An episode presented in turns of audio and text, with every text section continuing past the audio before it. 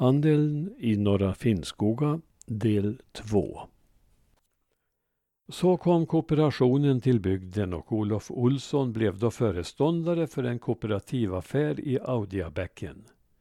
Butiken lades ner i samband med uppdämningen. Andra kooperativa handelsföreningar med butiker bildades också i Knappen och Uggelheden. Asperget fick sin kooperativa butik 1933. I Tallåsen bildade man kooperativ handelsförening 1914 eller 1915 med Carl August Ellisson som förste föreståndare och 1916 var det dags också i Höljes. Den första lokalen var den tidigare privata handelsboden på Danielsmon, Gästis.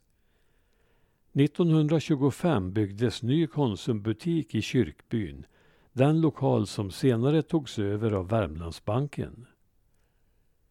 Föreståndare från 1936 och många år framåt var Erik Sirén från Långav.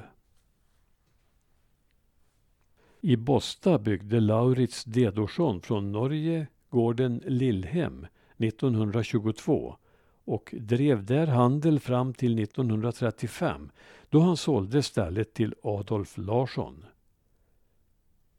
Från dess hyrdes det av den kooperativa handelsföreningen som drev handel där.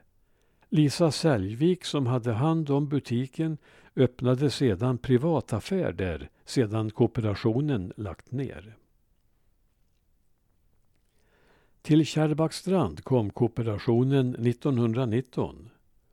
Förste föreståndare där var Oskar Olsson från Södra Lövberget och i Näringsliv i Värmland berättas att någon bestämd stängningstid fanns inte då och arbetsdagen i butiken varade till framåt tiotiden på kvällen. Som butiksbiträde fanns en period på 1930-talet den bekante Erik Tillander. När Konsum lades ner 1963 övertogs affären av föreståndaren Åke Hydén och han drev den vidare fram till 1971. På andra sidan landsvägen i Stranna hade Bengt Holmberg sin affär som han startade 1959 och drev några årtionden. I Bastuknappen fanns förutom Konsumbutiken en privat affär som drevs av Artur Larsson väl in på 1970-talet.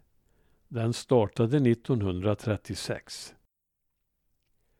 Konsumbutikerna i Tallåsen och Höljes övertogs av Evensson och Söner AB på 1960-talet. Detta ödesdigra decennium för kooperationen. Butiken i Tallåsen drevs 1963 till 69 och Höljesbutiken kanske ett par år i decenniets slut. Avfolkningen hade då börjat och kundunderlaget minskade drastiskt. 1942 kom handlanden Axel Larsson med hustru Lilly till Höljes.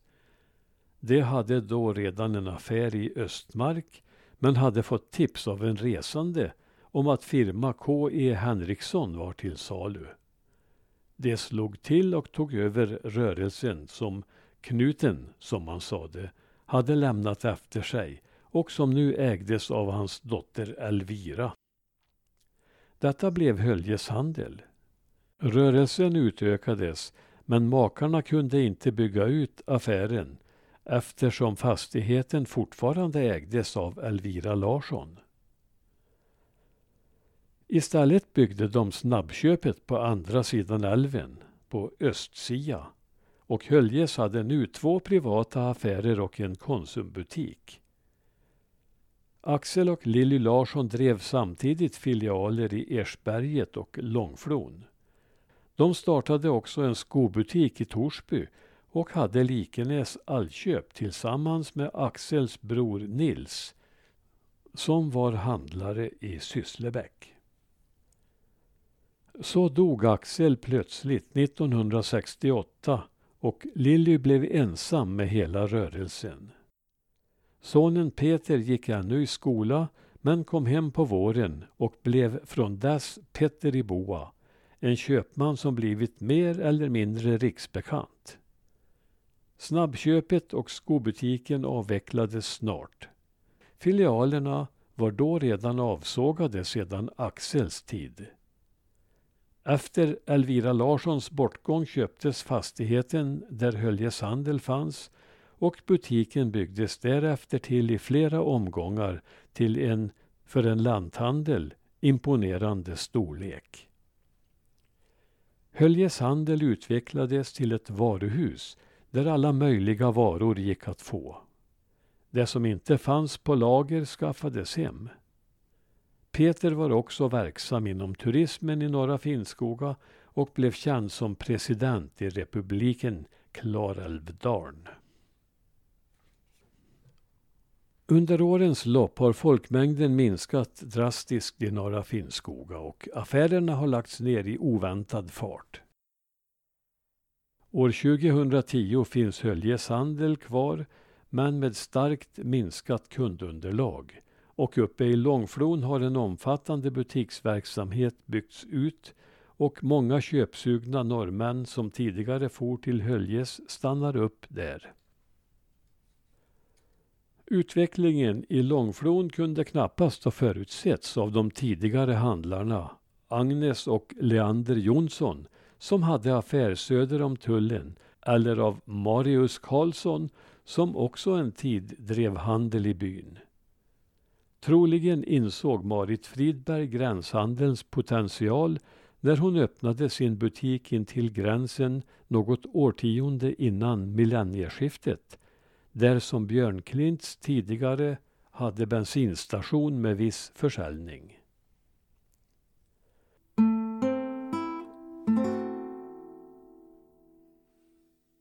1931 kom den 16-årige Erik Sirén från Långav cyklande till Höljes för att börja ett jobb som biträde på Konsum. Fem år senare var han föreståndare för butiken som hade filialer i Uggelheden och Bosta. Vissa perioder på 30-talet var en annan Erik där och arbetade. En Erik med efternamnet Telander och 1997 satte sig de båda herrarna och samtalade om 1930-talets Konsum i Höljes. Deras samtal, som egentligen var en intervju där Erik med K frågar Erik med C, finns inspelat och bevarat på Kulturkopra och numera även på Sysslebäcks bibliotek. Samtalet rörde dagsrutiner, butiksinredning, varuutbud, fraktkörare och kunder och det hela blev en intressant tidsdokumentation. De sex decennier som gått var som bortsköljda och detaljer från den tidigare arbetsplatsen trädde tydligt fram. Hur var det, hade vi börjat med cirkelkaffe? Nej, det kom senare. Till att börja med kom kaffet i 30 kilos jutesäckar som förvarades i det inre magasinet innan det vägdes upp i halvkilos påsar. Ja, så kunde samtalet låta.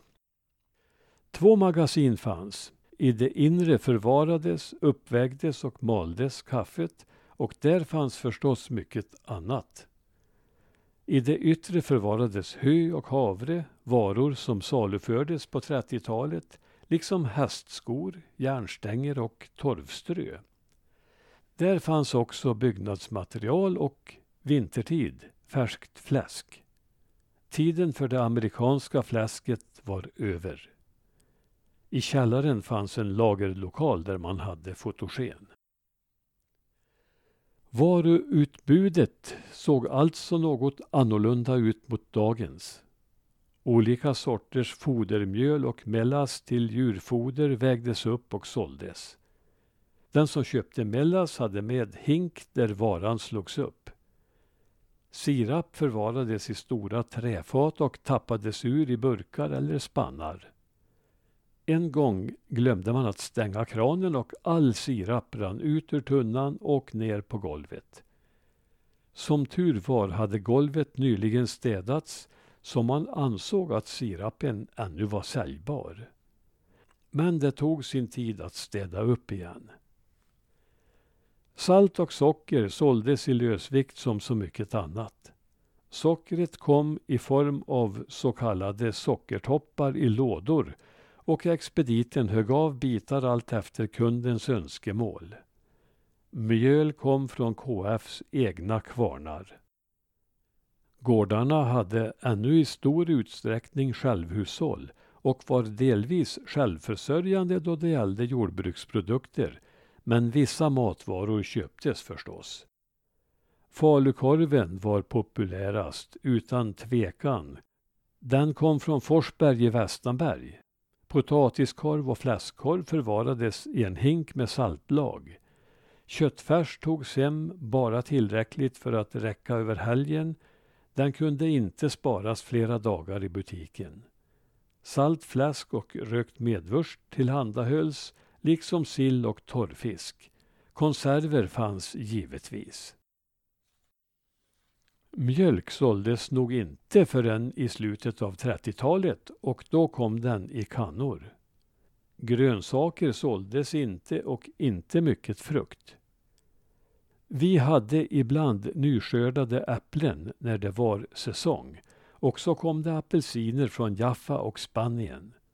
Bananerna dröjde det med, de var mer ömtåliga men de kom senare i fem och tio kilos lådor Bland varuleverantörer hade båda herrarna klara hågkomster av ölnisch som körde ut läsk, lättöl och svagdricka från Västby bryggeri. Och för varje låda öl han levererade skulle han ha en flaska. En glad och livad fyr var det, mindes de båda. Färskt bröd kom från Gustavssons i Ambjörby och Bagar Bengtsson i Transtrand. Det var längder och kringlor och från Månäs kom den speciella Månäslimpan. De mesta frakterna kom från lagret i Edebäck och den som körde var Adel Larsson som båda minns som en stark kar som med lätthet bar de tunga mjölsäckarna. Och Birger Johansson kunde komma mitt i natten ibland med sina lass så då blev det att gå upp och ta emot. Minns du disken? Den var U-formad. Där fanns stora lådor med socker och salt och så stod det en pendelvåg ovanpå disken. Och alla dofterna. Kaffet och annat. På den tiden stod ännu expediterna bakom disken och tog fram de varor kunden efterfrågade. Gränsen mellan kund och handlare var solklar. Disken var också praktiskt indelad efter varuslag. I södra änden var manufakturavdelningen. I glasdisken där och på södra väggen bakom fanns tråd, hyskor och hakar, knappar, strumpeband, bomullsband, lakansväv, flanelltyg. Några klädesplagg fanns också som strumpor och kalsonger, kanske någon skjorta. Lite senare i tiden kunde det också finnas skor. Vid Västervägga fanns specerierna, de torra livsmedlen som kryddor, gryn och annat och på norra sidan var det husgeråd. Hela matserviser fanns att köpa, koppar, glas, knivar och gafflar, kastruller och grytor. Frågan om vad folk köpte mest fick inget bestämt svar, men stor åtgång var det ju på kaffe, socker och mjöl. Många som bodde en bit bort köpte mycket på en gång och fick bära tungt. Det fanns kvinnor som slet ont med att frakta hem många kilo varor utan männens hjälp. Kunderna hade korgar, vomhuskorg eller ryggsäck, några också näverkont. Nästan alla handlade på kredit. Alla köp skrevs upp i en bok och kunden betalade i efterhand en gång i månaden. Att kunderna behandlades olika förnekar inte Erik Sirén. En arbetare skulle inte ha funnit sig i att tilltalas på samma sätt som förvaltarfrun eller prästfrun, som det skulle bockas för på den tiden. Men, berättar han, prästen Tegelström var inne i butiken och tippade i smyg. Han fick mycket brått att gömma undan kupongen när hans fru råkade komma in just då. Minnena var många och glada och fantastiskt bra var det ju att de båda gamla köpmännen ville förmedla dem till kommande släkten.